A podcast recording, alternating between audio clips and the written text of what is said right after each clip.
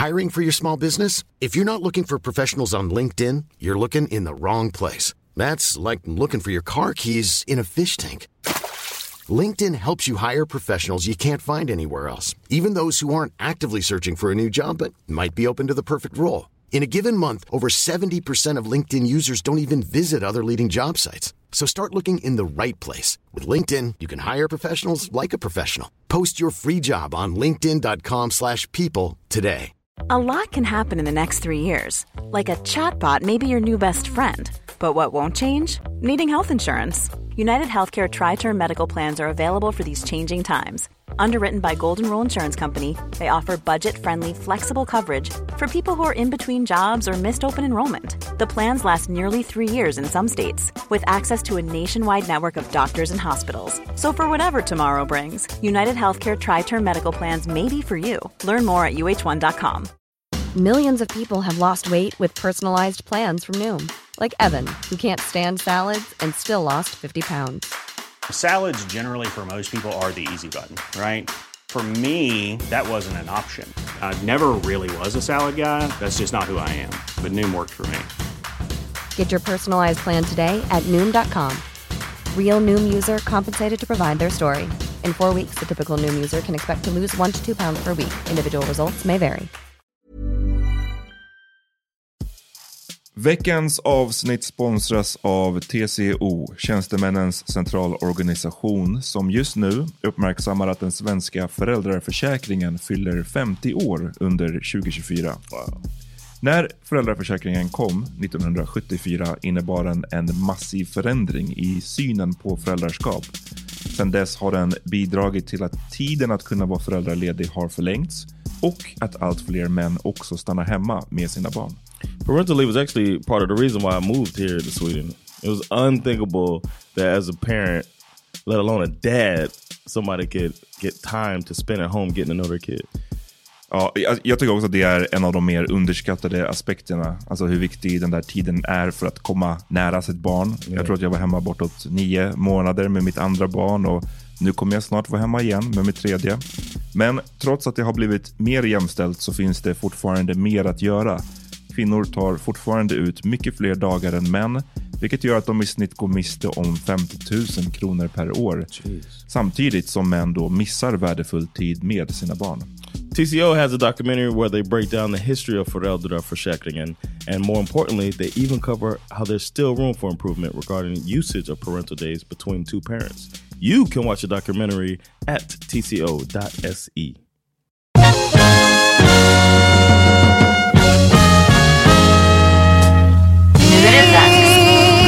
för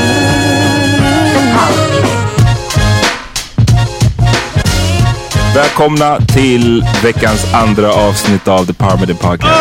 Oh, bra, bra, bra, bra. Tjo! Ja, Eh, jag heter Amat Levin och Peter Smith. och vi har en gäst. Yes. Eh, fucking äntligen. Det tog ett tag att få hit Sen det. i somras. Nu är jag här. Det är den. Våran fjärde poddmedlem. Ja. Ja. Cassandra. Vikarien helt enkelt. Vikarien, precis. Eh, John Poralolika, eh, John är i Miami. ja. Och är fucking living it up. Thug. Holiday. Living the dream. Ja, Vad sa du att det var? Thug Holidays. Aha, du sa thought holiday. Aha, nej. jag bara, ah, det hade kunnat vara det, också. Det om kan vara thug eller där, thought.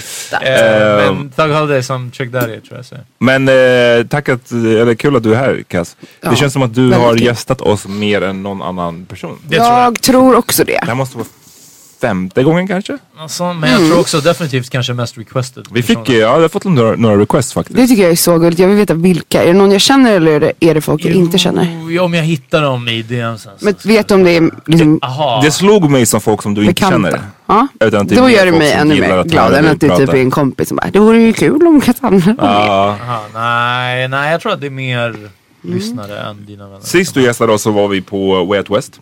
Ja. Eh, Åh vad varmt det var. Kommer du ihåg det? Oh, I den där lilla glasburen. Vi satt ju typ vid fläkten! Ja just det, det var du som var varm. exakt. ja, men, det var för att jag tittade på dig som jag tänk, minns det som varmt. Jag det var speciellt. Vi, hade, vi var i, det var Halebop tror jag. Ja, just det. Som hade någon slags poddstudio. Som, Mm. Och precis när man kommer in till Way Out West. Eh, Där alla de här stånd, alltså den här gång, Ja, precis. gångstigen Ja. med små stånd. och där skulle vi sitta och det var mass, vi satt liksom på en så här, tre på rad. Panel. någon slags panel och så satt folk där utanför och tittade. Och jag minns bara att jag och Peter hade varit på... eh, På ena baren bara. Ja, vi- På VIP-området. Ja, innan och... Eh, Och druckit. Ja, men Peter du hade beställt något så här löjligt. Jag är vodka, jag ville få vodka skakad, alltså bara så den är kallare. Ja, du håller på fett länge. Han håller Ja, på fett länge med någon beställning. Det skulle vara is men det skulle vara skakad och det skulle vara... Ja, men, upp men det slutade med att vi typ fick shotten och sen så skickade du tillbaks den. Något sånt. Och så fick vi typ en ny som, var, såg ut, som såg ut som en, typ en 10 eller någonting. Det var löjligt. Och jag minns bara på vägen från vippen till att vi satte oss så var jag bara jag kände mig, så sekunden jag satte mig där, jag bara, jag är fett full. Var du också det? Ja, alltså jag bara, det var- här är inte bra. För jag, alltså, du vet, när man- när man är på den nivån att säga, jag vet inte nu vad jag kommer säga riktigt. Eller, så här, Oj. Och jag minns inte ens heller vad vi pratade om, men jag var inte full. Men det, förhoppningsvis så märkte du ingenting. Nej, jag gjorde inte det. Men jag var, jag var lite skakig. så. Sen så jag, jag fick, eh, efter 10 minuter någonting jag, var- sånt jag så inte fick jag kontroll. men jag var också på vägen tillbaka så jag, jag gick som uh, Conor McGregor. Kände jag. jag var, Fast Peter var lite extra vild minns jag. Ja men du, han blir alltid extra vild på live-grejer. och men jag jag, blev full så. men jag minns också att vi hade ett ämne som bara föll lite platt. Alltså vi skulle snacka om, vilket jag tycker är ett bra ämne. Okej, vilket? Det, det handlade om eh, de biologiska skillnaderna som finns det. mellan Uff, män och kvinnor och ja. hur de liksom, du vet, ändå kan påverka oss. Hur kunde det falla? Det är ett jätteintressant ämne. Det är ett superintressant ämne men jag tror att kanske, Jag fick ju lite lite fulla. blickar typ. Ja, man såg att folk bara, they, they didn't feel it. Men får man, ja just det. Alltså det vi, ja. Mm. Jag kände bara att, kanske på grund av eh, alkoholen som hade intagits, jag kunde liksom inte formulera eh, Men det är också att man är lite rädd att trampa där. Ja, Känner jag. ja men det, så var det ju. Mer det tror jag än alkohol. Mm. Jag vill aldrig skylla på alkohol. Nej, men jag, jag tror att så här, vissa ämnen, Mm. alltså vissa, då, då, då kan man ju bara köra freestyle eller whatever. Mm. Så, så finns det vissa ämnen som är lite svårare, lite snårigare. Man måste liksom tänka hur man uttrycker sig typ. Exakt. Och jag kunde liksom inte formulera exakt hur jag tänker. För att jag står fast vid att det är ett intressant ämne. Ja. Ja, ja, vi, vi absolut. kommer kanske åter Värt att besöka diskutera. Ja, vill, ni, vill ni uppleva det här i alla fall så lyssna på vårt avsnitt med Cassandra från Way Out West. Mm. Eh, scrolla tillbaka till förra sommaren. Augusti 2017. Exakt.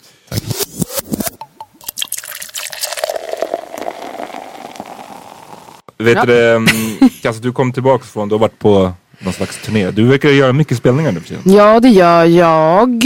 Ehm, fast nu har jag inte varit på turné. Nu har jag varit på ehm, eh, kick-off med min kör. Mm, okej, okej, okej. Med Tensta Gospel Choir. Precis, jag sjunger i den underbara kören. Mm, så vi var borta dygn i Strängnäs på något trevligt hotell där. Och ehm, typ haft eh, teambuilding, alltså allt från så här, vi gjorde yoga till Såna här Trust falls. Han har eller? precis fallit i varandras Nej, nej, tänker men vi hade ett väldigt långt samtal om vad kö, alltså kören. Vi hade gjort en medlemsenkät och så fick vi se resultaten. Och det var väldigt intressant. Vi pratade om andlighet, um, ja, vårt musicerande och ehm, ja, men det sociala. Alltså, det var väldigt djupt i alla fall Är det och någon, väldigt är det emotional. någon koppling inom det här, alltså till det kyrkliga? Eh, ja, vi sjunger om Jesus. Ah, jo, jag vet, men, men också gospel känns som att man kan vara intresserad av, om man inte är uppvuxen i amerikanska södern, så kan man vara intresserad av gospel i, bara musikaliskt. Obviously. Jag, jag skulle säga att du kan inte sjunga gospel om du inte är spiritual. Sen om det är att vara kristen, alltså vi har ju människor som är muslimer och till och med i vår kör, eller katoliker, alltså alla är inte kristna. Vissa är ateister, vissa är, jag skulle säga att jag är ganska, eller väldigt andlig och spiritual, men jag har ingen aning om jag är, jag skulle inte kalla mig religiös, förstår Nej, ni? nej, nej. Så jag skulle säga att du kan inte sjunga gospel med känsla och mena det du sjunger om du inte är andlig. Varför tänker du att man inte kan göra det? Är det på grund av vad, vad texterna handlar om? Eller liksom... Ja, men också för att få, ja, ja, det, är svårt, det är svårt att förklara ord. Det är en känsla som jag skulle säga att om man någon gång har varit och sett våran kör sjunga så är det kanske inte liksom den kör som sjunger bäst tekniskt. Vi är inte perfekta, pitch perfect eller någonting sånt. Men vi levererar någonting som är Alltså det är som att, alltså jag vet inte hur jag ska förklara, jag blir typ emotional att prata om det. Ja men nej men inte växel men det är så mycket, Det är mycket känsla. Det- mycket Det, känslor. Det är andligt. Jag vet inte hur jag ska förklara. Wow, okej. Det är ja. någonting utom jordiskt. jag har Nej, sett er ett par gånger. Eh, tror jag. jag håller inte med. Nej precis, och det var, det är så, nej det var, jag tänkte bara säga att det var svinbra. Jag såg er bland annat i Tensta kyrkan. Just det. Ja, Mm. Det var ett, ett bra sätt att liksom fira sin jul på. Mm. Ja, det låter intressant. eh, lika lockande som att, liksom, att man får se något mer extra. Exakt. Eller, eller något så. Eh, lika avskräckande är det att det skulle ha någon sorts liksom, Jesusigt. Jag vet inte, det är bara en turn-off för mig. Men, ja.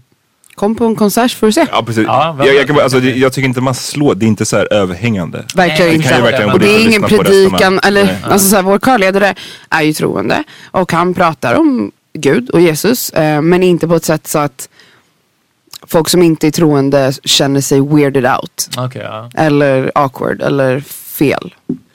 Men Kass, du sjunger ju mycket, du, du backar upp eh, Janice också. Ja, det gör har jag just nu. Shout out. Shoutout till Janice, hon har släppt sitt eh, debutalbum. Ja, det har hon. Fallen Up heter Fallen det. up, fucka med den. Lyssna på den. Spotify. Det är fantastiskt. Alltså hon är en, Hon sjunger en av otroligt. Sveriges bästa röster. Ja, hon, Hon är sjunger helt verkligen sjuk. otroligt. Och hon är verkligen en sån artist som, eller sångerska som låter, alltså det är inte så här, oj här har vi fixat studion. Alltså se henne live och det är Mm. perfekt varenda gång. Alltså jag vet, det är sjukt, alltså hon är störd. Mm, det, är sjukt, det är sjukt faktiskt. Mm. Vi pratade om eh, Östra Real förra avsnittet. Mhm. Jag och Peter gick där. Hennes storasyster gick där också minns jag. Mhm. Ehm, Hon har flera, vet du vem? nej, det, Nej. Jag, jag kände inte direkt Ja. henne. Men, jag, men det, det var som att man, på grund av hur få svarta vi var där så var det som att man hade koll. Så att det var så, okej det var ny och Men sen hon så, var inte i alla fall enorts-Erik. Nej hon var inte Nej. en års Erik. Eh, tur det. Lyssna på avsnittet från tidigare veckan. Ja. Men, men det Ja, känns som att ehm, du har, vet, så länge jag har känt dig tror jag så har du alltid hållit på med sång Mm. och velat sjunga. Och du gick till exempel på Fryshuset, Ja, sång Soul-linjen. Soul-linjen. Soul-linjen. Tatuerat. Visar upp Och- min tatuering där det står Där soul. Fryshuset Soul-linjen. Frysen soul. Nej, Tänkte du soul. när du gick på den skolan att du skulle liksom jobba med sång sen? Absolut. När jag var liten så, det- alltså det var det enda jag skulle göra när jag blev stor. Jag tänker så här som barn så har man ju inga rädslor. Alltså jag var ju väldigt så här, jag var den värsta drömmaren och jag, eller jag, inte, jag skulle inte ens kalla mig drömmare. Jag var bara så här, för mig var det helt realistiskt att så här, det här är jag bra på och det här är vad jag ska göra. Och jag ska sjunga och jag ska bli skitstor och jag ska ta över typ. Alltså det var så jag pratade. Från liksom ett års ålder tills efter gymnasiet då jag typ, ja, vet inte fan vad som hände där alltså. Jag tror att jag eh, blev vuxen, alltså fokuserade på att bli vuxen. Alltså jag ville så här, nu skulle jag flytta hemifrån, jag skulle leva samboliv, jag skulle börja jobba och tjäna pengar. Och glömde helt bort att så här, det här är vad jag ska göra. Det är att sjunga. Så jag, våg, och jag vågade inte satsa längre. Alltså det var som att jag bara, För att det var, det var inte en stabil inkomst. Nej, men jag inte, tror att liksom- ja, det är många rädslor men jag Inte tror att det handlade om det handlade nog om för mig att jag insåg att man är dödlig på något sätt som man inte gör när man är barn. Mm. Alltså jag var bara så här, men va? Tänk om jag misslyckas? Tänk om det inte går? Tänk om, och vänta nu, jag skriver inte själv. Eh, men har jag, har, jag kanske ska försöka, nej jag vågar inte ens försöka för tänk om jag suger. Alltså det är så mycket sådana grejer så att jag bara, du vet, pushade bort det här, sjöng på något dop någon gång. Alltså det var typ Mm. På det jag något gjorde. bröllop någon gång. Ja men typ på ett bröllop och that's it. Alltså jag sjöng inte på flera år. När insåg du att du var bra på att sjunga då? Alltså vilken ålder?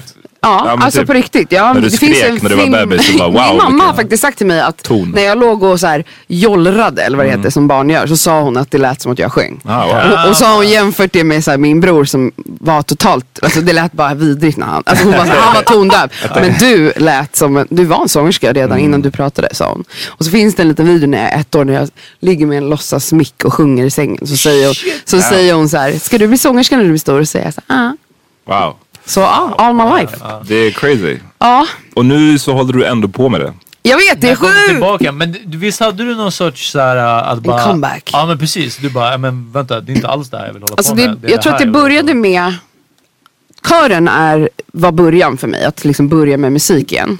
Min vän eh, Rosie, eh, som Shout jag också out. känner, Shout out. hon sjöng i kören då. Eh, och jag bara så här, jag har ju känt till Tensta Gospel sen kanske jag gick i frysen. Um, och alltid tänk, älskat gospel sen dess. Så jag var bara så här, fan jag skulle vilja vara med. Så jag följde med henne någon gång, fick göra en litet prov och sen fick jag vara med. Och det var liksom där det började. Och där lärde jag känna folk som håller på på olika sätt med musik. Och då vågade jag liksom börja drömma sakta men säkert igen. Och jag har varit med i den där kören i kanske fyra år. Och så var det början av 2017 som jag skrev en ganska lång status på Facebook, även om ni minns det. Mm, jag minns det. Där jag skrev att så här, ja, jag, det här är vad jag vill göra och jag är livrädd men jag liksom ville reach out och bara, jag har så mycket kontakter i den här branschen. Om någon vill ha en körsångerska eller fan vet jag, demosångerska. Vill att jag ska sjunga på dop, anything. Let me know så är jag din guy. Eller tjej. Din, ga- din gal. Din gal. eh, och väldigt snabbt efter det började jag jobba. Jag hade körat lite innan med bland annat Min stora sorg. Jag hade körat någon gång med Marlene Mm. och sådär. Eh, men sen började det rulla på. Nu jobbar jag ju med det. Eh, alltså jag försörjer mig på det bland annat. Jag har massa olika jobb. Men Mm. det är en av mina, ett av Men även jobb. när du började med det här, och ville, så du hade ett ganska så här, förlåtande jobb på typ Kulturhuset, eller hur? Så Exakt. du var inte liksom jätteuppbunden, eh, slavade inte. Alltså jag, jag har jobbat där, jag jobbar fortfarande där. Ja. Eh, jag har jobbat där i kanske tre år, tre eller fyra år. Gud, så dåligt med tre år. Eh, och jobbade ju först 100% där och var verkligen liksom men 9 5 kontors-life. Och det är inte något för mig kan jag Ja, säga. fan, det Eh, jag gick också in i väggen under, ah, det har varit många jobbiga år här. Men eh, när jag gick ner i tid, och det var inte frivilligt. Det var också det som var grejen. De Just det, var jag tvungna att förändra om min det. Ja. det var en ekonomisk fråga och de var så här, vi kan bara ha kvar dig på 50%. Och då var jag så här, ja då kan jag lika gärna lägga mig ner och dö. För att jag kände så här, hur ska jag överleva? Jag kommer inte ha några pengar. Ah, jag orkar inte söka jobb. Och då var jag liksom som mest utmattad och sjuk. Så att, att tanken att liksom söka ett jobb var typ som att bestiga världens högsta berg. Men det var också i den vevan som jag skrev den här statusen också. Och att så här, ja men jag, jag tvingade mig själv att våga göra andra saker helt enkelt. Och nu fyller du ut liksom de här andra Så nu fyller jag 50 ut, procenten. ja men nu jobbar jag typ 200% istället. Ja, okej. 50% Kulturhuset och 150% så. Ja men typ. Ja. Eller det är inte bara sång. Alltså jag ska Nej. säga att, att typ mitt Instagram, allt jag håller på med, alltså det är jobb också. Och det tar mycket tid. Mm. Ehm, men ja. Men- det, det är liksom som att jag ändå bara touchar vid drömmen. Ja, att för din, köra. för din egentliga dröm. Du, menar, att jobba med sång. Man kan jobba med sång på tusen olika sätt. Man kan ju liksom vara någon slags, du, någon som jobbar i demosångerska. Eller vara sångpedagog. Precis, på tusen olika sätt. Men det känns ju som att din dröm ändå handlar om att vara en, en artist själv, eller? Ja, eller jag vet inte om jag vill säga vara artist. Men jag vill ju sjunga Spela in musik. själv. Jag vill spela in egen musik. Under jag vill... ditt na- alltså som Exakt. är din musik. Ja. Sen Det är vet jag, ganska alltså, mycket att vara artist. Ja, men ja, man- fast att vara artist, jag kanske inte tänker så här. Ja, eller så är det att jag inte vågar tänka det. Men att tänka så här, jag ska stå på den där scenen. World tour. Nej, jag kan, inte, jag kan inte ens tänka den tanken. Vilket var det enda tänkbara för mig förut. Liksom. Men nu är det mer bara så här, jag vill sjunga själv. Alltså det är det här jag vill göra. Och ehm, ja, alltså gud jag blir typ varm av att prata om det här. Jag blir helt stressad. Vad är det som, eh, Det är som att gå i terapi nu när vi pratar om det. vad är, det som är mest stressande med det? Alltså jag är livrädd. För? För att sätta igång på riktigt. Alltså att faktiskt Typ skriva eget. jobba eller- för att nå, nå dit. Ja, till exempel sätta mig och skriva själv. Eller reach out till någon som skriver och säga Hej, vill du sitta ner med mig och skriva? Du är rädd för att, vad som skulle hända om du Jag är rädd misslyckas? för att misslyckas. Om du sätter dig och skriver med någon så visar det sig att du är... Och så suger jag. Men och, om man tar den frågan liksom ett steg längre, vad skulle vara the worst med... Vad, vad är det, alltså jag menar, det, det värsta som kan hända det är att ja, du var inte så bra på att skriva. Och det kanske blev lite awkward. Ja, men jag tror att alltså, jag är en person som, när jag gör saker så, jag vill bara vara bra på grejer jag gör. Och jag är bra på grejer jag gör. Och då är det när jag ska liksom in på en okänd mark, alltså till exempel skriva själv eller med någon. Så det är så skrämmande för mig. För att det är så, också så blotta, alltså att skriva musik det är inte bara så här. Skriva en låt, alltså det är ju verkligen att så här, vrida ut och in på sig själv. Och skapa någonting som förhoppningsvis ska beröra andra människor. Alltså det är typ det mest blottande man kan göra. Och sen också att det är min absolut största och kanske enda dröm. Så är det liksom, vad är det värsta som kan hända? Jo, att jag misslyckas är ju faktiskt det värsta som kan hända. Förstår Då blir du? det som att du, din dröm är att den är slut eller Ja, att den är, guess. det funkade inte med din I enda guess. dröm. Och sen är jag också så bortskämd att jag känt så här hela livet att det har gått bra för mig på många olika sätt i livet och jag har haft möjlighet att göra massa roliga saker. Och det har oftast gått bra. Och det har varit på många sätt för att jag har haft tur att andra har tagit in mig i saker. Jag är väldigt dålig på att vara driven själv. Alltså jag är väldigt bra på att här, när någon bara så här, hej häng med på det här. Då är jag skit, då kör jag på. Men det är som att jag sitter och väntar. Nej, men det är som att jag sitter och väntar bara, jaha när ska någon komma till mig då och säga nu skriver vi en låt. Men det kommer inte Nej, hända. så, händer Och då sitter liksom. jag här och bara, "Hör, jag måste ta tag i det här. Alltså jag vet inte, jag blir helt svettig att prata om det här. Men ja, Om någon lyssnar, ta tag i Cassandra. Helt enkelt. nej men det är läskigt att, att uh, följa sina drömmar helt Det är fett enkelt. läskigt. Och att börja göra det. Alltså så här, jag kan ju sitta här och drömma och jag tänker så här, jo men nu har jag börjat någonstans. För att jag har börjat jobba med musik. Så det, jag menar det är en, ett steg i rätt riktning.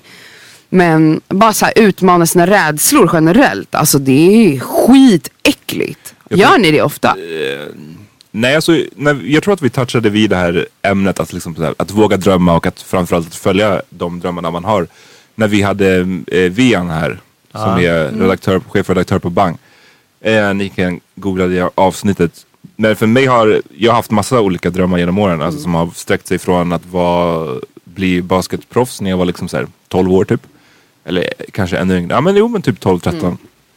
Eh, till att eh, hålla på med musik också. Jag hade en, en lång period där jag faktiskt höll på med musik och gjorde mm, produktioner. Du gjorde det ändå? Ja men jag gjorde produktion, ja men och jag har fortfarande så här, det är så ridiculous. Jag hittade det när jag flyttade. Ett eh, gammalt eh, musikkontrakt från så här EMI som de hette då. Som fortfarande typ gäller Ante för jag har inte För du hade fått sparken. Nej, men, nej, men det känns som att det var typ att man skulle, det gällde att man skulle släppa ett visst antal whatever och det släpptes aldrig någonting. Att producera musik Ja för dem precis. Och så här, det gjorde, av tusen olika anledningar så blev det aldrig någonting av det. Och eh, därför tror jag att det fortfarande gäller, typ. Ah, okej. Men till att eh, skriva filmmanus hade jag en tanke om någon gång. Ehm, för mig så har det alltid problemet, jag har haft två problem. Det ena är att jag har haft för många olika d- drömmar samtidigt. spretar. Jag spretar way för mycket. Jag skulle behöva satsa på en. Ibland hade jag verkligen så här att jag skrev på ett litet filmmanus samtidigt som jag producerade ett beat, samtidigt som jag typ Dribblade med basketboll. Ja men typ. Eller gick i skolan eller jobbade. Alltså det blev så här way för mycket. Det var mitt ena. Men det andra som jag tror väger way mycket tyngre har ju varit det ekonomiska. Är att jag alltid haft det här.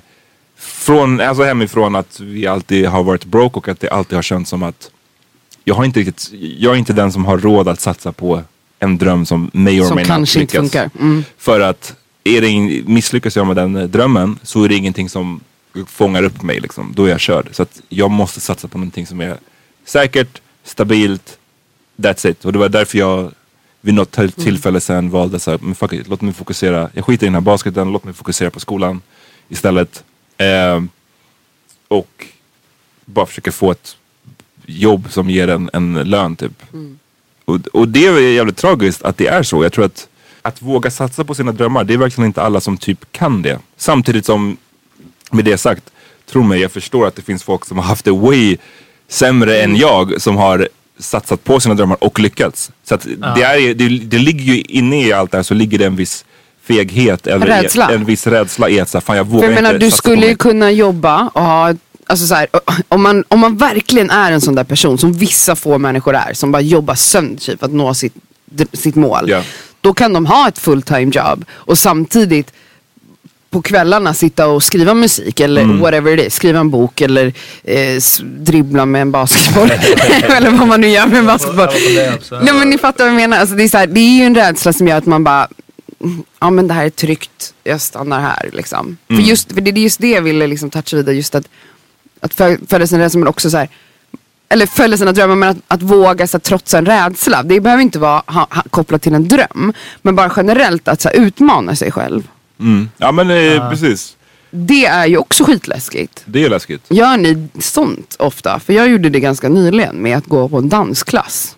Vad var det för dansklass? Eh, det var eh, dancehall afrobeat Oh. klass. Men du, har du dansat något? Har inte du dansat typ street Aldrig har jag Ingenting? dansat i mitt Jag liv. Så vad var din- tjejer första hade dansat Nej, street dance. nej. Ja Okej. faktiskt. Jag har Men- aldrig gått koreograferad dans i hela mitt liv och jag har alltid tyckt att det verkar kul men har liksom garvat åt tanken att jag skulle göra det för att jag kan liksom inte göra en sak med handen och göra en annan sak med benen. Alltså det går inte. Det är en lögn att kvinnor kan göra flera saker samtidigt. Alltså det går inte. så jag gick i alla fall dit för att det var en vän till mig, Adja, som håller i den här klassen. Och hon var så här, kom, kom, kom. Och vi anpassar efter liksom, nivån i rummet. Mm, Okej, jag, jag gick till slut dit och typ Evin och några till skulle gå dit. Så jag var så här, "Ah, okej men vi kör. Evin har ändå gått dans. Hedil har gått dans. Men vi var där. Och jag, alltså jag var panikslagen hela För dagen. att du skulle vara sämst liksom. Återigen eller? Ja, att jag skulle vara dålig, att jag skulle göra bort mig, att jag skulle se dum ut. Alltså det är inte lätt att dansa, Nej. to- hålla på med sin rumpa. Alltså jag vet inte hur man gör sådana där grejer. Och de, alltså det ser så jävla enkelt ut. Men jag gjorde det i alla fall, jag gick den här gången. Vissa har i blodet. Nej men alltså att, att bara så gå dit och sen när jag väl hade gjort det så tyckte jag det här var skitroligt. Mm. Det var rolig träning för jag blev helt svettig. Och ja, jag såg skitdum ut och jag, men jag skrattade jättemycket. Och så här, nu är det inte läskigt längre. Förstår ni vad jag Mm, menar? jag. Just det här att så här, när man är rädd för någonting. Om man tvingas, alltså det handlar om att liksom exponera sig själv för den rädslan. För Ja. då kommer man ju komma över den. Det är det jag menar. Ja, Hur alltså- ofta låter ni själva... Nej, men jag har gjort det vid ett till, eller vid ett, jag har säkert gjort det flera gånger, men det var ett tillfälle som var det, den mest, som var det läskigaste väl, kan man väl säga. Och det, apropå det här med att jag har haft de här grejerna med, min, med ekonomin och att jag alltid har känt en rädsla av att det inte finns någon som kommer fånga mig om jag skulle falla eh, rent ekonomiskt. Så eh, det var att jag sa upp mig från eh, när jag var chefredaktör på Nöjesguiden. Och eh, det var liksom ett, det var ganska ung. Jag var, hade ett väldigt stabilt jobb. Hade liksom, den, det finns inte direkt mycket journalistjobb i Sverige och så här, man säger inte upp en sån tjänst bara sådär. Ehm, men jag ville väl utmana den där rädslan faktiskt. Lite grann också. Ehm, så jag sa ju upp mig utan att jag faktiskt hade någonting annat lined up. Jag, jag, skulle, jag utmanade mig själv tror jag i att tänka att det kommer faktiskt att lösa, det, lösa sig. Just det. För din rädsla har ju varit det där, just det ekonomiska. Och att det inte kommer lösa sig. Jag var, jag Mm. var övertygad om att det kommer inte lösa sig. Om jag ger upp det här då kommer jag aldrig få någonting likvärdigt. Eller jag kommer Wow. aldrig få någonting som är... Och eh, sen så visade det sig att det, gick, det löste ju sig såklart. Eller inte såklart men det löste sig. Ja. Eh, men det var sjukt, eh, fan vad det tog emot att göra det Mm. ändå. Och att såhär bara fuck it, nu, nu säger jag upp mig utan att veta vad jag ska göra sen. Slänga sig ut i Mm. Men visst det blir man så jävla stolt över sig Ja man blir stolt. Det är så jävla eh, utvecklande för sin person att faktiskt göra grejer som man inte vågar. Men. Peter jag tänkte, har du haft några drömmar in life? Alltså vi, vi har snuddat vid det här i avsnittet med dig, med dig och mig som handlar, som heter ambition och weedmissbruk. Ehm, där vi pratar om båda sakerna. Och jag sa det då och, och eh, det är det enda, så nu när jag lyssnar på er, eh, för först var jag bara såhär, men jag kände inte igen mig i det här, eh, den här som kämpar för drömmen och för liksom, eh, som vi pratade om då också, när man hör om, speciellt folk som har mejlit som berättar om hur de, alltså jag spenderade varje dag på basketplanen, jag spenderade varje dag i replokalen, jag spenderade varje dag med att öva på fritidsgården på DJ-utrustningar. liksom där. Jag, jag har inte lagt ner de här 10 000 timmarna på någonting. Kombinerat med att jag har inte haft den här drömmen. Det enda ja, hå- hårdraget, det enda som så här, har gått bra i mitt liv var boxningen. Och jag hade inget intresse av boxning whatsoever. Att vara en boxare eller att bli, ta vissa meriter eller, eller ehm, medaljer eller såna här saker. Liksom. Ehm, och det gick bra av flyt. Jag var, jag var inte ens bra på det från början. Jag bara lärde mig alltså, under väldigt många år. Eh, Så bara lärde jag mig bli bra på det. Liksom. Eh, och till slut så gick det bra. Eh, och det var något helt annat som var drivkraften bakom. Det bara för att jag älskade sporten och, och träningen av det. Liksom. Eh, och där var det, det är också liksom ändå det mest eh, kristallklara exemplet på att nerverna kom emellan för att när det blev större och större matcher och större och större turneringar eller utmaningar så var nerverna var katastrof. Eh, trots att varje enskild match gick bra. Men, men det var som att bara, jag kan inte utsätta mig själv för den här stressen för någonting som jag sen i slutändan inte ens bryr mig om. Men var det så att du typ bangade saker ibland? För, eller typ matcher eller så? Det var inte så att, Nej, eller typ, inte- nej, varför inte- slutade du ens Varför med jag boxningen? slutade var för att jag sa till min tränare att lyssna, jag vill inte gå de här stora matcherna. Jag vill bara gå matcher här i Stockholm. Jag vill, bara, jag vill göra det på fullständig hobbynivå. Och boxning är så litet i Sverige att är man, är man mediokert bra på det som jag var så går det snabbt uppåt liksom. Och, men har du... Eh, Och jag var för ung. Ja. Har du analyserat varför du inte ville gå de här stora matcherna? För att, att eh, pressen blev större med större matcher. Ja, så det, var, Eh, det var egentligen men dina meriten- nerver och inte... Ja, nej precis. Ja, så då och- backade du ju på grund av rädsla. Kan man säga så? Exakt, men också för att det hade varit... Motsvarigheten med det hade varit om att du får erbjudandet på att sjunga någonstans jättestort och du bangar för att äh, det är för stort. Jag vågar inte sjunga på Globen för det är för stort. Men du älskar att sjunga. Jag bangade på att köra stora matcher men jag älskade däremot inte boxning. Förstår du? Du älskade ju boxning. Ja, men träningen Trä- bara. men träningsdelen, inte resten. Träningsdelen och till viss del matchdelen i att liksom det, det var såklart ändå ett sorts ehm, eh, bedömning av hur väl du hade tränat innan liksom. Mm. Så det, det blir ju som ett prov liksom på, på vad du kan. Men, men den det positiva eller det belönande som jag kunde få av att gå en match, ens våga gå en match och sen speciellt våga gå och vinna en match.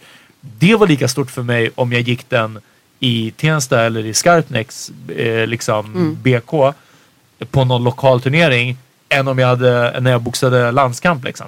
Eh, men landskamp var enormt mycket mer press än om jag bara en Ja. helg i, i liksom, ja. Jag fattar. Men, så det är aldrig att du sitter nu, eh, några, när var det du slutade med boxning? Det är ju några år Länge sedan liksom. Ja, 2007 gick jag sista matchen tror jag. Ja, det är aldrig att du kan känna ibland att varför slutade jag?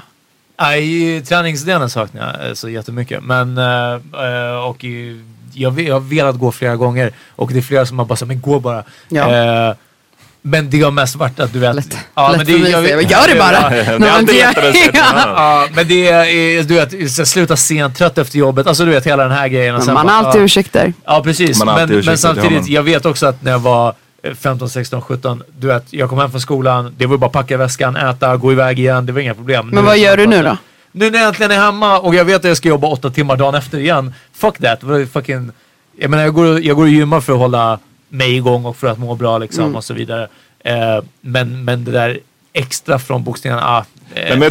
Men du saknar ändå lite verkar det Jag som. saknar jättemycket. Så då tycker jag, det här är en rädsla eller någonting du ska liksom overcome. Du ska bara göra det. Det, här, det är ju bullshit att, att så här, du inte har tid, för tid finns.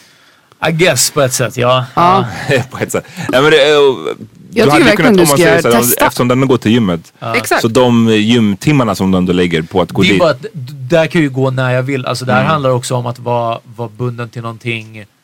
Som är, det är träning ja, klockan sju på onsdag. Ja men exakt. Ja. Till och med den här podden som eh, vi har sagt flera gånger att, att vi har skött så otroligt regelbundet som vi Mm. har gjort. Är ju anpassningsbar. Vissa dagar så funkar det inte för en av oss eller flera av oss och då säger vi ja men då spelar vi in då. Eller så, det. så det går att jobba runt. Men ja, är det träning måndag, tisdag och torsdag den och den tiden och den, vissa dagar slutar jag sent eller du vet, det är riktigt trött. Alltså det var men verkligen sådana här grejer liksom. Då blir det ingen träning den dagen. Alltså, Nej men det gör ju ingenting. Jag går ju på träning nu, helt sjukt att jag börjar träna. Eh, och vi har ju fasta tider fyra dagar i veckan. Och jag var ju också innan jag var så här, det är omöjligt och jag är ju på turné ibland och jag gör det här och ibland är jag trött och lalala. Och sen helt plötsligt när jag bara började göra det så bara, jag, har ju, jag tar ju mig tiden att göra det. Fattar du vad jag menar? Ja, ja, men Och det jag ger mig det så mycket. många. Plus att det väger tyngre när du, när du säger Cass. Jag tycker verkligen, jag skulle vilja att du gör det för min skull. Ja, om det det- väger, det- om det bra väger tyngre. För alltså, att ja. det här är året då jag utmanar flera av mina rädslor. Inte kanske för att just nå drömmar, för det här handlar inte så mycket om en dröm heller. Men det är någonting du ändå saknar, någonting Precis, du minns som det du tyckte jävligt mycket om. det Exakt. Mm. Och då kan jag säga en grej som en psykolog sa till mig när det kom till träning. För jag gick eh, för förra våren. Lyssna nu på allvar alla ni lyssnar. Förra våren gick jag eh, rehabilitering i sex månader för ja, mina sjukdomar slash min utmattning. Där man, vi var en liten grupp på sex personer som alla led av kroniska eh, smärtor på olika sätt, olika problem. Och alla var, eh, led av utmattningssyndrom. Och det var väldigt mycket liksom, man skulle lära sig mindfulness och så vidare. Och, så vidare. och jag var den enda som inte var sjukskriven. Jag jobbade ju fortfarande 100% så det var väldigt svårt för mig att faktiskt ta mig an den här möjligheten jag hade att bli frisk. Men det en psykolog sa till mig där var, när jag, för jag hade ett mål, alla hade olika mål men jag hade ett mål att jag ville börja med någon typ av träning. För att jag har så ont i min kropp och jag känner att jag måste göra det här för jag blir äldre och jag kommer inte bli friskare och min kropp gör ondare och ondare och ondare. Så jag måste göra det här. Jag vet, studier visar att psykisk ohälsa och fysisk ohälsa hjälps av träning. Då satt jag där och sa, det här är vad jag vill göra. Och hon sa till mig okej okay, okej vad hindrar dig? Och jag började rabbla upp, alltså den listan var fett lång. Och jag sa massa saker, det är allt från jag är trött, jag orkar inte, jag har ingen att träna med, jag har inte råd med ett gymkort. Alltså det var så mycket sjuka Mycket excuses. excuses. Men för mig var de allvarliga. Och jag var så här, såklart. och jag var så här, jag bara, jag har varit ätstörd tidigare, jag är jätterädd för att om jag börjar träna så kommer jag bli ätstörd igen. La, la, la, la. Och sen så bara, hon skrev upp allt som jag sa på post-it-lappar. Och, bara, och sen när jag var klar med mina ursäkter, som jag inte fattade var ursäkter då. Så säger hon till mig, så, ja det här är ursäkter. Så börjar hon så här klistra på de här pi- post-it-lapparna på Hey, mig. Så att hela min överkropp var så här täckt av mina ursäkter. Så hon bara, gå och ställ dig här vid spegeln. och så bara stod jag och kollade på mig själv. Och så började hon så här, hur kommer du vet, hon hjälpte mig bara att förstå att det här är så enkla saker att overcome. Så här, Okej, har jag ingen att träna med? Fråga en kompis om, din kompis, om den här kompisen. Har du någon som har ett gymkort? Ja, sa jag.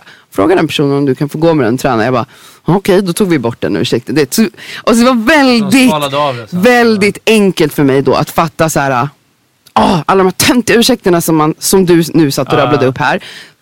Skala bort dem och så bara, bara utmana dig en gång. Gå och testa en gång. Det betyder inte att du måste gå dit fem dagar i veckan. Och att du ska vara bunden till vissa... Förstår du vad jag menar? Ja, Nu var Nej, nej, men det- ja, väldigt, sant, väldigt intressant. Det är så- nästa vecka. Och bra hand- hands-on eh, lektion tycker jag. Det lät som en bra så här, visuell Det var övning för en väldigt själv. tydligt. Men jag tror att eh, mycket när man pratar om drömmar, en grej som jag tror många gör misstaget kanske är att man, eh, man tror att vissa saker är ens drömmar fast de egentligen inte är det. Mm. Jag tror att, och det är, I gue- I guess det är en definitionsfråga men många är mer kära i slutdestinationen än the work som man måste Ja. put in. Ja, ja, Och ja. att många drömmer om att Man bli artist. kändis, jag vill vara artist, ja, jag vill stå på en scen. Mm. Okej, men fattar du hur mycket Beyoncé eh, lägger ner på att vara så bra som hon är? Du måste också vara kär i the work. Ja. Det är Det det, och det är det som jag tror, och det är det som jag har behövt inse med mig själv många gånger. Att jag har drömt om att bli, jag vill spela i NBA, men ville jag eh, lägga ner de liksom Timmarna. tusen, tusentals timmarna som krävdes. Eh, ville jag gå upp innan skolan och eh, gå till basketplanen och sen gå till skolan och sen, du vet, nej jag ville inte det. Mm. Och då kanske ba- att bli basketproffs inte var min dröm egentligen. För Ja. mig har, har det också spruckit eh, en gång, alltså tidigare, eller tidigare stadie när jag insett att att göra vissa saker som man verkligen kanske älskar eller är en hobby.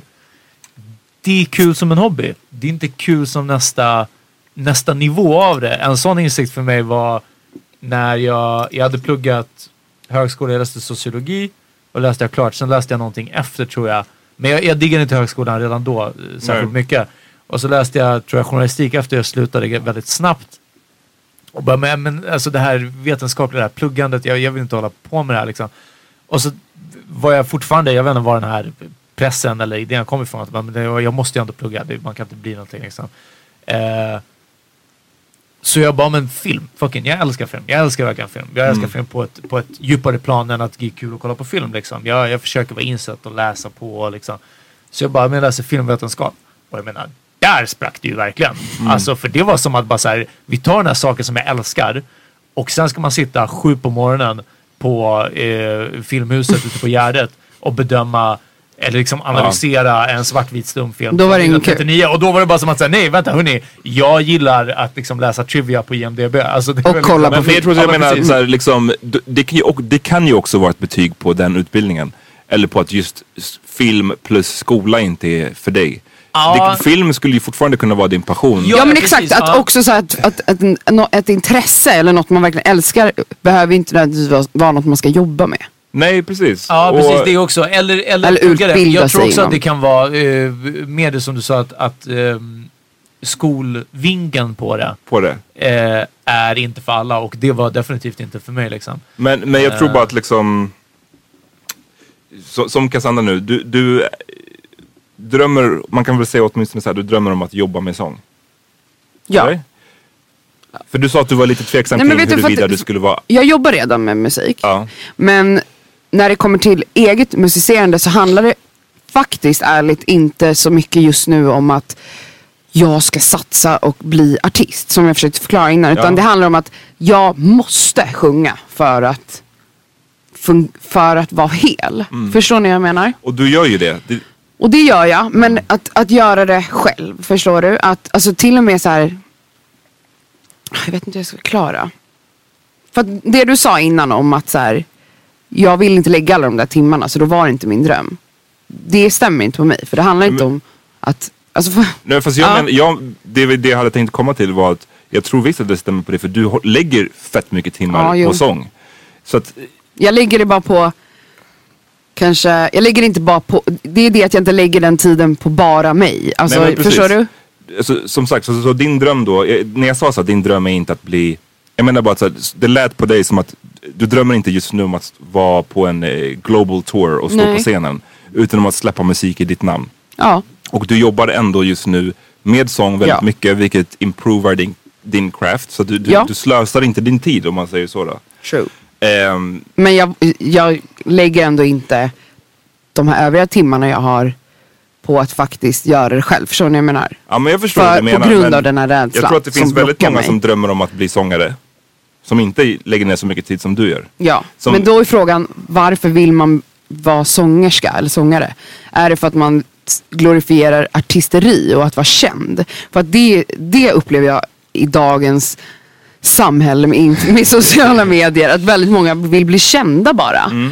Och då är det känns så här, det nog alltid har varit. Alltså, Ja. Det är bara att nu är det som att man har ännu fler kanaler. Exakt, och nu kan man verkligen bli känd för ingenting. Ja. Och Money for nothing. då kan det ju vara så att man bara, men jag kan ju faktiskt sjunga ganska bra. Mm. Så jag ska bli artist, förstår du? Men det, och det är lite den, när jag säger så att man inte... Då, Men för mig man, handlar inte om, alltså det, det är det. Det handlar inte om att vara känd. Det handlar om att, alltså, Uttrycka det jag måste, ja, jag måste göra det. Ja, och, och, men då tycker jag inte att du fastnar i något av facken. Du fast- fastnar ju definitivt inte i det här facket där man av folk som eh, drömmer om någonting men inte jobbar för det. Nej. För du jobbar för det, sen så kanske du kan jobba ännu mer för Ja. det. Du kan jobba på ett annat sätt för det. Precis. Men det är liksom en process. Ja. Jag tror att, så, precis som du sa nu, det är många som drömmer om att bli sångare för att, bli känd, för att de vill vara kända och sen så och jag tror att jag fick inse det där falla. vissa saker med mig själv om att så, okay, men jag håller på med musikproduktion. Det är så här,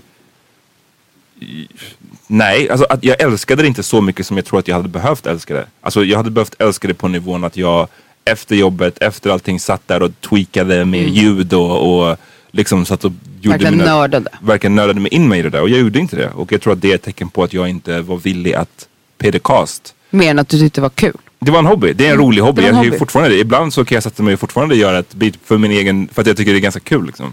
Man kanske har svårt för det där, att separera hobby med det. passion och, förstår ni? Jag tror det. Jag tror, Mm. det, jag tror att det är jättesvårt och, och lite som du sa Peter förut med boxningen att så här, för så har jag alltid känt med skrivandet. Jag har aldrig drömt egentligen om att bli skriva en bok som jag håller på med nu. Mm. Men det, jag råkar vara bra på det. Och, då Och så var det, gör du och det. jag tycker det är ganska kul. Ganska kul men det har inte varit en sån här dröm jag haft. Nej. Och då tänker jag att fuck it, låt mig utforska det här. Så Men att, det måste du också se som en utmaning. Ja men det är ju det. Och nu, Som du tar dig an. nu när, definitivt nu när jag skriver en bok så är det liksom Exakt. en, ny nivå för mig. Vilket är jävligt kul. Det, det gör ju att jag känner att jag inte är fast, helt fast i 9 till 5 fällan. Hjulet. Utan Mm. att jag går och har den här tanken om Ja. att men det, är- ja, det är bara intressant att jag har haft så många olika, eller jag tycker det själv är intressant att så, jag har haft så många olika drömmar. Att skriva en bok vet jag är en dröm för många. Exakt. Och det har inte varit min dröm men nu gör Men nu gör du det. Ja. Men så där kan jag känna också att jag, så här, jag har gjort en del modelljobb. Jag har aldrig tänkt att jag vill jobba som modell. Men så, får jag, får så liksom landar man där för att man råkade vara lite kroppsaktivist typ. Alltså, men du vet, så här, det är ju säkert skit, det är ju svinmånga som drömmer om att Ja. få göra det. Eller så här, jag vet inte, det är ofta jag kan tänka bara shit vad sjukt att sådana möjligheter jag haft. Eh, och, du också liksom. Att, men, men man ändå bara så här, här hamnade jag typ. Mm. Ja. Så fan, Men det kan, det kan vara så också. Och jag tror bara att, jag tror att man ska, det här, jag tror att min poäng är väl någonstans att jag tror att ibland att man kan få för sig att man har en dröm. Mm. Och det kanske inte är den rätta dröm, drömmen man ska chase efter. Nej. Man kanske istället ska ibland titta på vissa av de här intressena man har. Vad tycker man är ganska kul så här, på en day-to-day basis att göra? Och satsa på det. Alltså, precis, det där tycker jag är viktigt. Just det där, vad kan du se dig själv göra varje dag? Exakt. För det är Eh, det som... Och the work att göra någonting. Exakt. Än Mm. precis hela det här slut. Ja, men, jag vill liksom, jag vill vinna Oscar eller jag vill Och det är så här- stå på scen. vill Om man sitter komma- med en bok, att här, sitta och redigera saker som man har skrivit för att få det att bli bättre. Eller att så här, sitta och faktiskt skriva det. det är så här, jag tycker det är ganska kul. För mig känns inte det som jobb. Och då tror jag, bam, det där är en ledtråd till att det är det här jag kanske borde satsa mer på. Yes. Versus andra saker som jag trodde var min dröm. När jag väl satt och gjorde det, då kändes det som jobb.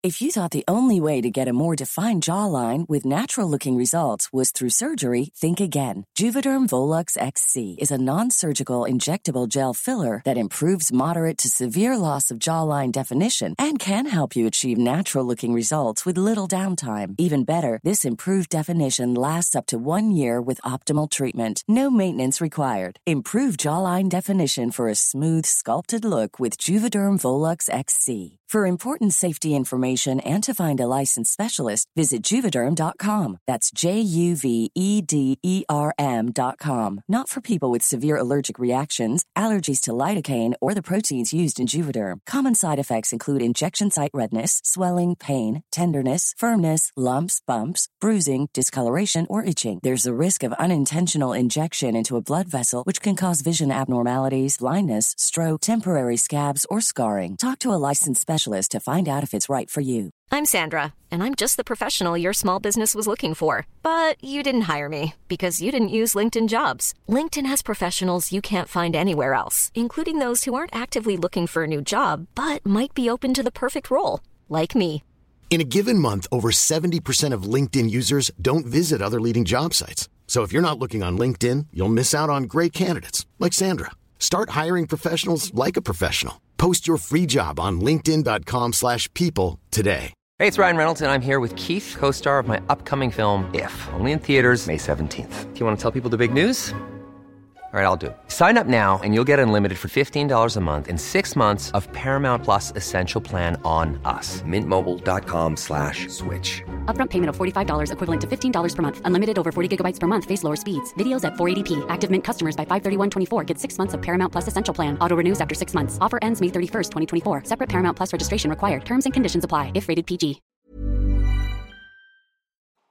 Right, uh, eh, så jag kan inte säga så mycket om att jaga drömmen och så vidare som sagt. Men däremot det här med att um, komma över någonting som man har varit rädd för. Eller uh, varit rädd för slash skjutit upp väldigt mycket. Är, är, uh, vilket är samma sak, man skjuter upp det för att man är rädd för att ta tag i det. Liksom. En av de här sakerna som jag har haft problem med väldigt, väldigt länge, i flera år och som påverkat mig och relationer är för att det handlar om, om mig och relationer. Eh, till vissa är under de åren som jag mått dåligt eller sämre eh, än just nu för tillfället. Så eh, vissa som jag slutat höra av mig till. Liksom. Jag nämnde det här några avsnitt sen. Eh, med, Har du med, varit en fuckboy? Ja precis, det där. Nej men nu, nu pratar jag mer Jag- om... jag skojar, jag skojar. Ja, jag pratar om vän... Ghostat massa tjejer. Om vän, vänrelationer liksom, vän- vänskap. Ehm, som av olika skäl, och jag vet att det här har haft med måendet att göra väldigt mycket för att jag, de här som man har en viss sporadisk kontakt med, jag kanske tycker jättemycket om dem, men man pratar inte så jätteofta, man kanske inte, man, eh, man pratar inte så ofta och man ses kanske IRL ännu mer sällan än, än vad man sen pratar eller messar. När det sen blir den här var tredje månaden uppdateringen av vad som har hänt, så har jag ingen lust att sitta och berätta om hur dåligt det har varit. Jag har heller ingen lust att sitta och ljuga om hur det har varit. Och jag kan inte heller helt ignorera bort. Ah, du har gjort allt det här i tre månader. Okej, vad har du gjort? Ehm, ja men strunt samma. Vi kan prata om alltså, liksom, För att jag vill ändå folk hålla dem in the loop om vad som händer i mitt liv. Men det blir som en tråkig upprepelse för dem. Om, ah gud, allting är dåligt hela tiden. Vilket det inte är, men när man väl återberättar så är det alltid så det låter. Liksom. Plus att det blir en jättedålig grej för mig också. Fucking, jag, är, jag mår bra just nu. Jag är glad att, över att vi ses. Då vill jag inte hålla på och dra upp jobbiga grejer. Även fast det är en bra sak. Att både hålla folk in the loop och att liksom faktiskt vara ärlig med hur det saker och ting är. Så vissa sådana, en, en sån här specifikt eh, som har försvunnit som jag tagit upp kontakten med nu. Och igen, det här är något som eh, den här bara, bara i ett år liksom som jag verkligen har skjutit bort och till och med och personen skrev det till mig också att eh, ja, jag räknade lite med att den här vänskapen var, var Och det är över. den som liksom. du refererade till för några avsnitt sedan. Ja, som var min födelsedag tidigare. Ehm, så tagit upp kont- eh, kontakten med en annan är... Men vänta, bara snabbt. Hur var det svårt eller jobbigt att göra det? Alltså, Vad- hur- hur- vad hur- gjorde du? Det var jobbigt att komma fram till det. Till slut så bara messade jag på whatever Insta eller En någonting. person som du har liksom förs försvunnit iväg från. Ja, precis. Ja, men som var en, eh, har alltid varit en väldigt nära vän. Mm. Men bara inte eh, den som jag träffat så ofta liksom. Som Vad fick dig att ta steget att bara, fuck it. Att nu höra tar av jag mig? kontakt igen. Uff, jag vet inte. Bara, jag vill inte säga man up. Jag vill inte, kö- jag vill inte köna det. Men bara Saknad? Human, human up. Hen up. Nej, men, ja, precis. Hen up. Ehm, alltså bara att, att rycka, och det är det här. det- Uff, det blir så svårt. Eller så dumt om man inte kan ge kanske någon som är i samma tips eller i samma situation med prokrastinering och uppskjutning av jobbiga saker. Att säga att annat än att säga, men bara gör det. Men det är ju så. Ja, fast det är inte alls så. I, så här, jag tycker jag formulerade det bra någon gång när jag skrev för länge sedan på whatever, Twitter eller Facebook att allting löser sig till slut. Det gäller bara riktigt mycket ångest över det riktigt länge. och jag menar, ni får ta det för vad det är. Men det är som att antingen går man under av det eller till slut när du har samlat ihop tillräckligt mycket skit. Och det är bara att man kommer tror jag till den här punkten på olika sätt. Samtidigt som jag hade kunnat begrava det här också. Och det hade varit Vad var rädslan? Ehm, bara rädslan vid det här delvis så var det också att jag har ibland försökt igång, starta igång den här vänskapen. Och sen så ses vi.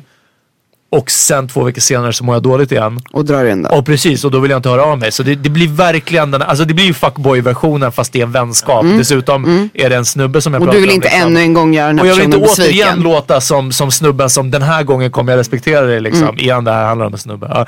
Ehm, den andra personen som det har varit så här med är någon som jag eh, har haft en ganska ytlig eh, eller bara liksom en bekantskap med, inte varit en vän så. Men vi har haft en specifik sak som vi har bondat över. Vi har en, en eh, gemensam nämnare eh, som jag var väldigt liksom hype över.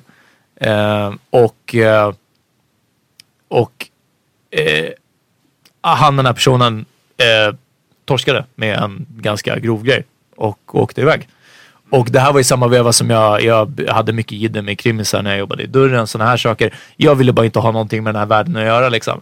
Och eftersom det här bara var en bekant så släppte jag det väldigt snabbt. Jag menar, jag har ingen skyldighet att höra av mig till honom när han är borta på. För att vi sågs på tuben ibland och det var, det var kul att ryggdunka.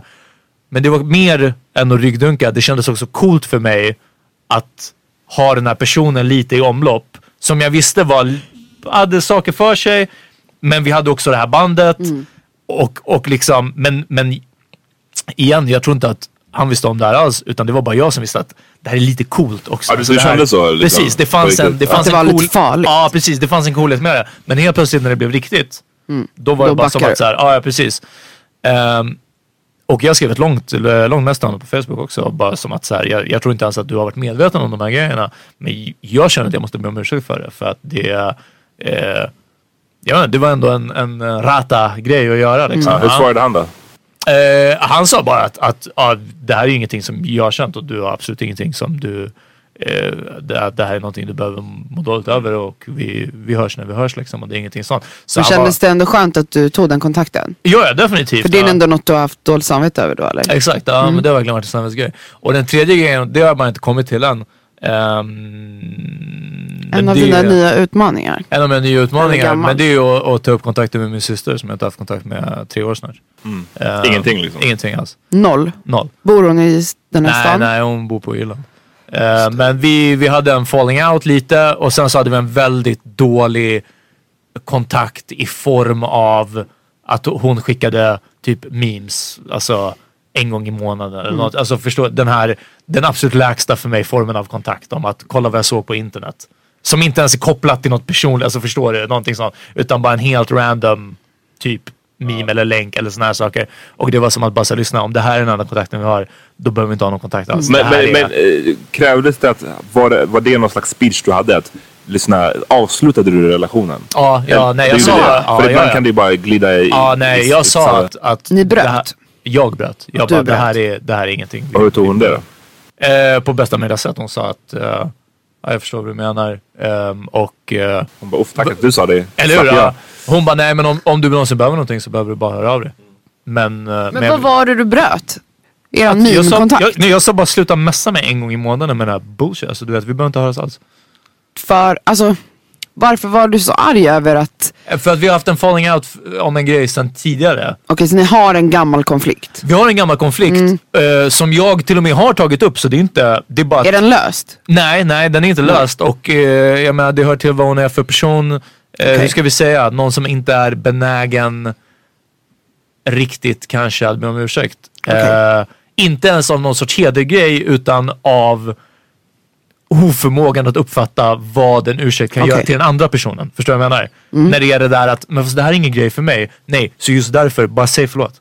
Säg bara förlåt så att den andra personen kan släppa det liksom. Eh, och det existerar inte hos vissa liksom. Nej. Men nu ska du alltså ta upp det här. Men du vill ta Och kontakt. det, det är en grej som, som jag vet att Och jag har varför ville du det? Va? Varför? Du, du var du som bröt och Ja, nu ville ta upp den. Är det för att så här, vi ändå känns- syskon och whatever? Eh, eh, också för att eh, jag vet att andra i familjen är, är väldigt ledsna över att det är så här. Men också att Alltså det känns ganska fucked up att inte prata med min syster. Liksom. Det är, att jag, jag, har, och jag har inte jättemycket släkt. Och den övriga släkten tar jag inte hand om heller eller vårdar de relationerna. Och det är som att så här. Och också, jag menar, nu kanske det har gått tillräckligt med tid. Jag menar nu, nu är den beefen Kan, vi kan hade. du se det som att du kan lägga, om hon nu varit oförmögen att säga förlåt till dig. Ja, Du var ju arg för att hon inte gjorde det. exakt. Eh, och det, du kunde inte hantera det. Men kan du nu, flera år senare, känna att jag kan släppa den grejen. Ja, jag ja, kommer ja. inte längre kräva av henne en Nej, förståelse. Nej, precis. nej, nu är det inte förståelse eller kan du då, ursäkt. Då, för då bara- finns det faktiskt utrymme för att ni ska kunna börja om. Exakt. Och nu är det verkligen som att Du är där lyssna, vi bara låtsas att det här aldrig har hänt. Det, det blir enklare. För jag vet Jag att inte, låtsas mer acceptera och Eller acceptera att det hände och sen, sen får vi släppa, ja precis, move on, lite så. Och det här är något du har tänkt att du ska göra men du drar dig för det. Ja det här har inte riktigt liksom kommit till skott riktigt än. Ja, men det fattar jag. Den är jobbigare. Ja, Den är jobbig. jag liksom. Eh, ja precis. Ehm, och det har ändå varit alltså, years in the making nu som sagt. Ehm, men med den här starten som var, det första jag hörde om mig var faktiskt till den här snubben som åkte iväg. Eh, någon gång i vintras, eh, jag tror att nu i alla fall det här året. Men eh, det var liksom första och sen andra var, var den här tidigare kompisen. Liksom. Eh, så, och Trappat upp det liksom. Ja, men jag hade en, en diskussion med, det- vi fick ett jättefint uh, mail till um, på Facebook av en lyssnare som pratade lite om det här om att, ja, och det, jag tror att det var från ambition avsnittet som hon hade lyssnat. Att ta tag i saker här som man tyckte var jobbigt och så vidare. Och typ hur jag hanterat. Och jag sa bara, och det är därför jag inte gillar att ge tips om det här.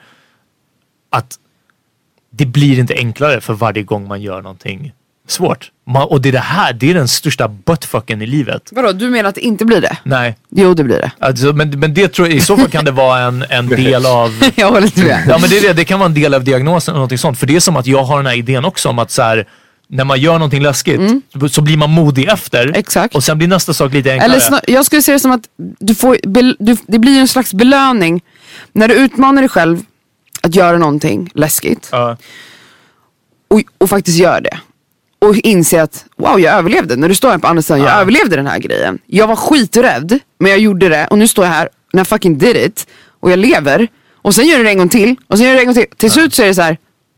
det här är jag skitbra på och jag gör den här vet du grejen. vad? Jag tror att det har en del Det är med... liksom mänskligt beteende. Du, Ja, men jag tror att det har en del med, med mental hälsa att göra. Eller med, Absolut. med just diagnos. För jag känner att det är det som uteblir och det är det som gör att de här sakerna blir, de är svåra Men har du, varje har, då vill jag bara fråga, har du verkligen utsatt dig själv för Ja, att alltså, jag tror- göra någonting som skrämmer dig flera gånger? Jag tror att just vad hon skrev om den här personen var eh, gällande att gå på krogen när jag sa att någon hade kommenterat på att jag bara står och ser sur ut. Eller inte sur, sur, Ja, står ser ut som ett så det. Mm. ja. Ehm, Gud det var så ett, taskigt. ett surt så här, ja. Och så frågade hon att ja, men jag känner samma, jag gillar inte att gå på krogen men jag, jag, mina kompisar går ut och jag vill liksom ändå vara social och så vidare. Känner du att det har blivit enklare när du väl har tvingat iväg dig? Och jag bara nej. Jag, det värsta passion innan, eh, det är oftast, inte ofta, alltså olika men, men oftast är det inte värsta belöningen när jag väl kommer ut. Det är inte jättekul att vara på krogen, whatever, vi liksom fuckar inte ur på det sättet. Jag kan fortfarande gå tidigt och jag bara, och nästa helg eller nästa gång Amat och Hassan har spelat mm så är det, det är som att jag börjar från ruta noll. Och jag måste liksom supermotivera. Och jag bara, hörni, det, det, så, så sa jag till henne att liksom, det är det jag menar, jag är ledsen, det finns liksom ingen... Va, va, det kan finnas en liten personlig vinst i det såklart. Att bara, ja, men jag Men stannade, det är ett socialt jag stannade i alla fall umgänge. inte hemma. Men Ja. jag tror att det är därför man måste försöka få sig själv definiera också vad det är som är värt på riktigt för en själv. Exakt, det där kanske Precis, inte ens är värt det. Vem fan inte bryr sig är- om det? Nej, Det är inte värt för dig men, men på grund Krogen är av inte att... måttstocken. Men däremot att höra av mig till exempel till Exakt. de här personerna som jag inte har gjort. Det har varit en belöning som har varit en bra grej. Ja. Liksom. Ja. Så då gör det. Och jag, menar, jag tror att det där, man, man blir så påverkad av hur andra gör och hur samhället säger åt en att man ska göra. Och på ett eller annat sätt så, så vet man att är man en relativt ung person så bör man gå och, speciellt om man är singel, Ja. så bör man gå ut på krogen. Och om man inte gör det så är det någonting fel. precis. Men du bör bara inse att eh, det här är inte för mig. Och det, that shit is fine. Lite Ja. så. Det hade varit skillnad tror jag om det var så att du hade ett stort intresse av att gå ut. Låt säga att du liksom, det var en av dina passioner var att Ja, ut. du älskar att gå ut och dansa. Men av olika anledningar så kunde du inte. Då hade det varit mycket viktigare för dig att eh, Ja. lösa den Ja, grejen. Liksom. Väldigt sant. Det här snacket om så här, drömmar och, och, och jag, jag tror att det är superviktigt att man kan försöka definiera för sig själv vad är ett intresse, vad är en Verkligen. dröm, vad är en hobby. För att när man har gjort det då tror jag att det är mycket lättare att här, lägga allt man håller på med i lite olika fack. Och också våga erkänna för sig själv om man inte Exakt. vill stå på scen. Jag har inget driv eller driv, dröm. Och ibland blir det som att jag, och så, damn, varför? Vi, vi har eh, en liten side project som eventuellt är på gång med podden till exempel. Eh, som innefattar, vad ska vi säga, mer rörligt material. Film, alltså filmar saker, sådana här saker. Som vi har fått erbjudande om. Och jag vet att det första som dök upp i mitt huvud när Johan nämnde det här, att okej vi har fått mail härifrån och därifrån. Var att, fucking jag vill inte vara, jag vill inte vara med i en sketchkomedi. Alltså du vet, det här, det, det är inte vad jag liksom. Och då får man ju lyssna på den rösten också som säger att samtidigt som det är utanför min comfort zone, det kan vara värt att pröva. Exakt, för då, då måste du fråga dig själv, varför vill du inte det? Och när du har benat ut dem, varför? Om det bara är så här, jag tycker det är totalt ointressant, ja då är det, men Ja, är det, är det jag mer... vågar inte, då är det en annan sak. Exakt. Ja, då, då får, när du sa det här med att stå på scen, det är sådana där grejer som jag aldrig, jag gillar inte att stå på scen. Jag försöker få dig att göra det lite då och då. Ja, du försöker få mig att göra det ibland. Men jag, och det där är så här, när jag var, jobbade på som chefredaktör så ingår det lite i jobbet. Då tvingades jag till att, att testa på vissa av de här sakerna. Och eh, det tog emot jävligt mycket, men jag gjorde det. Och eh, trots massiv nervositet så märktes det typ inte utåt. Det gick ganska bra Ah. för mig. Men det, det som jag tror jag insåg är att så här, jag, jag, jag var ganska länge fast i en så här, ska jag försöka tvinga mig själv till att stå på scenen för att bara push through och det kanske kan göra någonting bra för mig, whatever, eh, karriärsmässigt down the line. Eh, eller ska jag bara inse att jag gillar inte att stå på scen. Det, det, och det är också okej. För att, det hade, och återigen då, det är därför, hade det, hade, hade det varit så att jag faktiskt någonstans ville göra det. Men en rädsla sa till mig att fan, det här, du kommer inte vara bra på det. Då för mig hade det varit mycket viktigare att försöka overcome it. Precis. Men nu så vet jag vissa gånger när jag har stått på scenen och det gick bra, det var ingenting som hände. Men det var att jag får inte ut så mycket av det. Jag gillar inte... rampljuset. Ja, men jag, jag drivs inte av det. Jag har liksom inget intresse av det. Och då försöker jag experimentera med att lyssna på den rösten som säger att fan om du varje gång du får en förfrågan om sådana här saker känner Att det är jobbigt. Jobbigt och eller varför? Mm. Kommer det vara kul ens? Vad, vad kommer du personligen få ut av det? Mm. Fucking eh, testa att lyssna på den rösten också. I don't know. Ja. Jag kommer ändå fortsätta fråga dig när jag vill att du ska göra vissa saker. Du får fortsätta säga nej.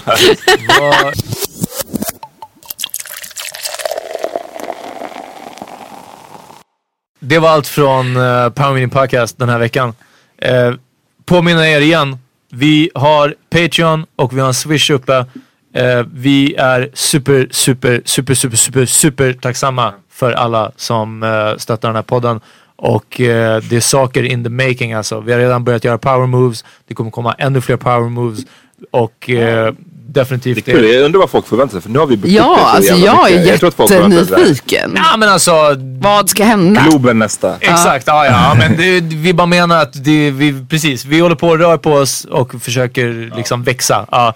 Eh, och vi är supertacksamma för allt stöd som ni ger. Så gå in och fucka med oss på Power Mini Podcast på Insta, eh, Power Mini Podcast sidan på Facebook och vår Facebookgrupp Power Mini Podcast gruppen.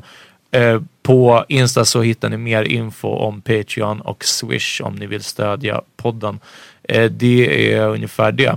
Jättetack till Cassandra som kom och gästade. Eh, det, har Det varit, blev väldigt deep, men det var mysigt. Ja, deep. och det var väldigt overdue. Men nu medan John är borta, eh, som vi äntligen har plats för dig. Nej men eh, du får ju jättegärna komma och gästa. Det gör jag gärna. Jag gillar att vara vikarie. Berätta vad du har lyssnat på idag. Jag har, lite idag har jag faktiskt inte lyssnat på någonting, men senaste dagarna har jag lyssnat på Amanda Winbergs senaste släpp. Fast nu heter hon Amwin, vet inte hur man uttalar det. Låten heter Uber, Uber, Uber, Uber. Hur säger man det ens? Uber. Jag säger Uber. Jag säger också Uber. På svenska. Jag jag bokar en Uber. Uber. Va? Inte Iber men... Uh, Tyskt? Ja, whatever. Den heter. Uber. Okej. Eh, och den är jättenice. Welcome to game night. Let me tell you the rules. We don't go to dinner tell secrets don't speak when the sun's out, catch feelings you lose. This ain't the movies. You ain't staying the night. Your chest ain't a comfortable pillow. Just fuck me, then get dressed. Your Uber's outside. No time for talking about your feelings now. Too busy making sure you hit it right. High quality product when you use it right. Don't ruin it with talking, show yourself outside. Cause your Uber's outside. Get dressed, your Uber's outside. Uber's outside. Fuck me, then get dressed, your Uber's outside. Your Uber's outside. Ja, alltså find me on Instagram typ. Alltså om ni inte följer mig, vilket ni säkert gör. eh, skojar. Men eh, Kass, eh, Kass Klatskov heter jag på Instagram. Följ mig, skriv till mig och så vidare. Och eh, jag lovar att komma tillbaka inom kort. Alltså nu när jag Ja, är tillbaka. spikat. Vi bestämmer det. Har ni flera? Så ja, om, om det finns liksom, om det är någonting som ni vill att vi ska snacka om så vore det jättekul att Ja. få, ja, ni kan DMa mig eller podden. Oj. Det var jag som tappade en kapsyl. Jag vill eh, tipsa om eh, ett al- eller en låt från ett album som heter, eller av en artist som heter Everything is recorded. Det är han som Ah. äger eh, skivbolaget Excel som har massa bra artister. Det är ett brittiskt skivbolag. Anyways, han har gjort sin, ett album själv den har producerat och så tar han in olika sångare. Eh, på den här låten så är det featuring Syd och Sampha och låten heter Show Love. Det vill jag lyssna på.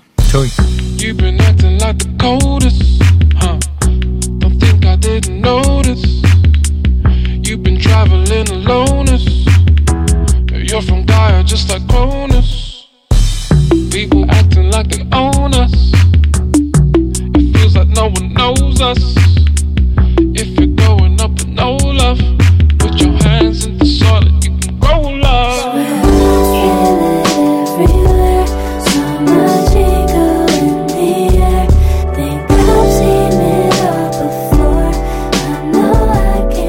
some more. Jag vill tipsa om låten Peter Pan med artisten Dave East. Som eh, precis som Nas Second Childhood handlar om att vara vuxen och inte riktigt släppa ens ungdomsglansdagar. Um, ja, um, och Davis är uh, tung som han är. Grow up, nigga. He 37, think he 22. His mother work, he played at crib, just polishing his 22. Plus he eat up all the food, but never grocery shop. Acting like he out looking for a job, but he know he not. He know the gossip, he know what happened when Chad got locked up. He know who beefing like every weekend is being pop up. He keep making promises, he gon' help her. He never felt a hard time dealing with pressure. The younger niggas used to respect him, was kinda credible. He shot a couple cats in the 90s, few niggas never knew. He did a stretch for some domestic shit. He punched his ex after she told him this some pussy you could never get. Behind the wall turned black. Jag vill faktiskt spela ut oss med en låt av uh, Fattar du? Det är, det är Stuffe och det är Mackan på refrängen. Uh, Stuffe från Fattar du som heter Karriär som handlar om uh, att, uh, ja, att leva drömmen och att leva någon annans dröm och att inte nå sin dröm utan få en annan karriär än den man drömde om och så vidare. Så om ni tyckte att det här ämnet var intressant, lyssna på den här låten. Ja, det var min bästa koppling till det. Nej, tack Hals. Tack så mycket. Tack så mycket Vi hörs nästa vecka. Ja. Peace. Peace. Jag lever någon annans dröm, någon annan lever min jag har alltid drömt om att spela boll, det är det jag vill. Fantiserar om glansdagar i landslaget. Kontrakt med klubbar och fotografera handslaget. För jag är gift och min ring är på 305. Försöker säga till mig själv att det blir mer boll sen, men det blir bara mindre. Min talang försvinner, någonting inom mig säger fel håll vänd. 2001 SM-final, två veckor i rad. Vann en, förlorade en och sen var det klart. Och vad har jag kvar? Bara mina jävla texter. Jag fick en annan karriär än den jag strävat efter. Man växer upp och man man drömmer om sitt liv och man måste kämpa hårt för att nå sin dröm i tid. Och vissa kämpar så hårt att de glömmer bort sitt liv och lägger all sin energi på drömmen om sitt liv. Man växer upp och man drömmer om sitt liv och man måste kämpa hårt för att nå sin dröm i tid. Och vissa kämpar så hårt att de glömmer bort sitt liv och lägger all sin energi på drömmen om sitt liv. Jag lever någon annans dröm, någon annan lever min. Den du ser på TV, inte den jag ser i min spegelbild. Sinnesro kan man inte finna på någon innekrog. Jag blir så äcklad ibland att jag inte finner ro ord. Tar en öl till och ångesten försvinner nog. Försvinner för en stund, återvänder värre. Är det här en arbetsplats jag valt natt som dag i behov av en naprapat? Klart man vill lämna avtryck och sätta färg. Men om man redan är på topp, varför klättra berg? Så varför gör jag det här? Det är ju ändå bara rim. Någon annan fick min karriär, kanske jag har tagit din. Man växer upp och man drömmer om sitt liv och man måste kämpa hårt för att nå sin dröm i tid. Och vissa kämpar så hårt att de glömmer bort sitt liv och lägger all sin energi på drömmen om sitt liv. Men allt som ska ske kan inte planeras. Man kan göra som man vill men det är inte säkert det menat att man får sina kort i den ordning man tror. Och vilket fall man än tar kan man inte få det ogjort. Jag lever någon annans dröm, någon annan lever min. Som tur det så rullar en och annan sedel in.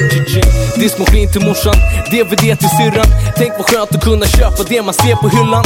Men är det värt det när man möter någon av er på fyllan? Stirrar, pekar, pekar, frågar. Önskar att svartsjuka kunde botas med ginseng. Så ni slapp fråga vem som sover i min säng. Men ni ska veta att hon har varit där sen dag noll. När allt som fanns i min värld var min basketboll. Saker som betyder mer än några jävla rim. Någon annan fick min karriär, kanske du förtjänar min.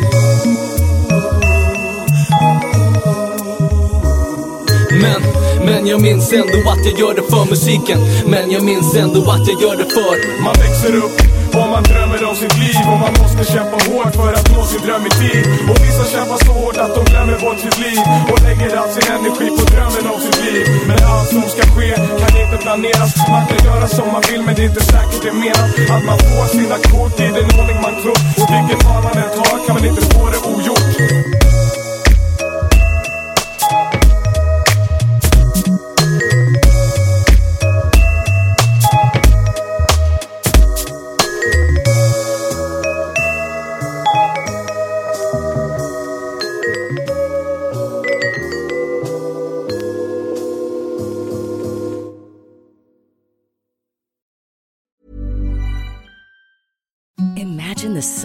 Sheets you've ever felt. Now imagine them getting even softer over time. That's what you'll feel with Bowl and Branch's organic cotton sheets. In a recent customer survey, 96% replied that Bowl and Branch sheets get softer with every wash. Start getting your best night's sleep in these sheets that get softer and softer for years to come. Try their sheets with a 30-night guarantee. Plus, get 15% off your first order at bowlandbranch.com. Code BUTTERY. Exclusions apply. See site for details.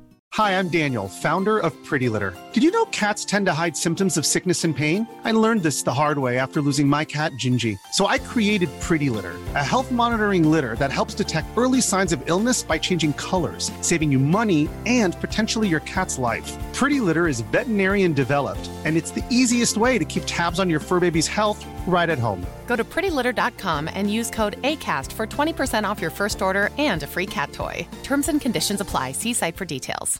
Even when we're on a budget, we still deserve nice things. Quince is a place to scoop up stunning high end goods for 50 to 80% less than similar brands. They have buttery soft cashmere sweaters starting at $50, luxurious Italian leather bags, and so much more. Plus, Quince only works with factories that use safe, ethical, and responsible manufacturing. Get the high-end goods you'll love without the high price tag with Quince. Go to quince.com/style for free shipping and 365-day returns.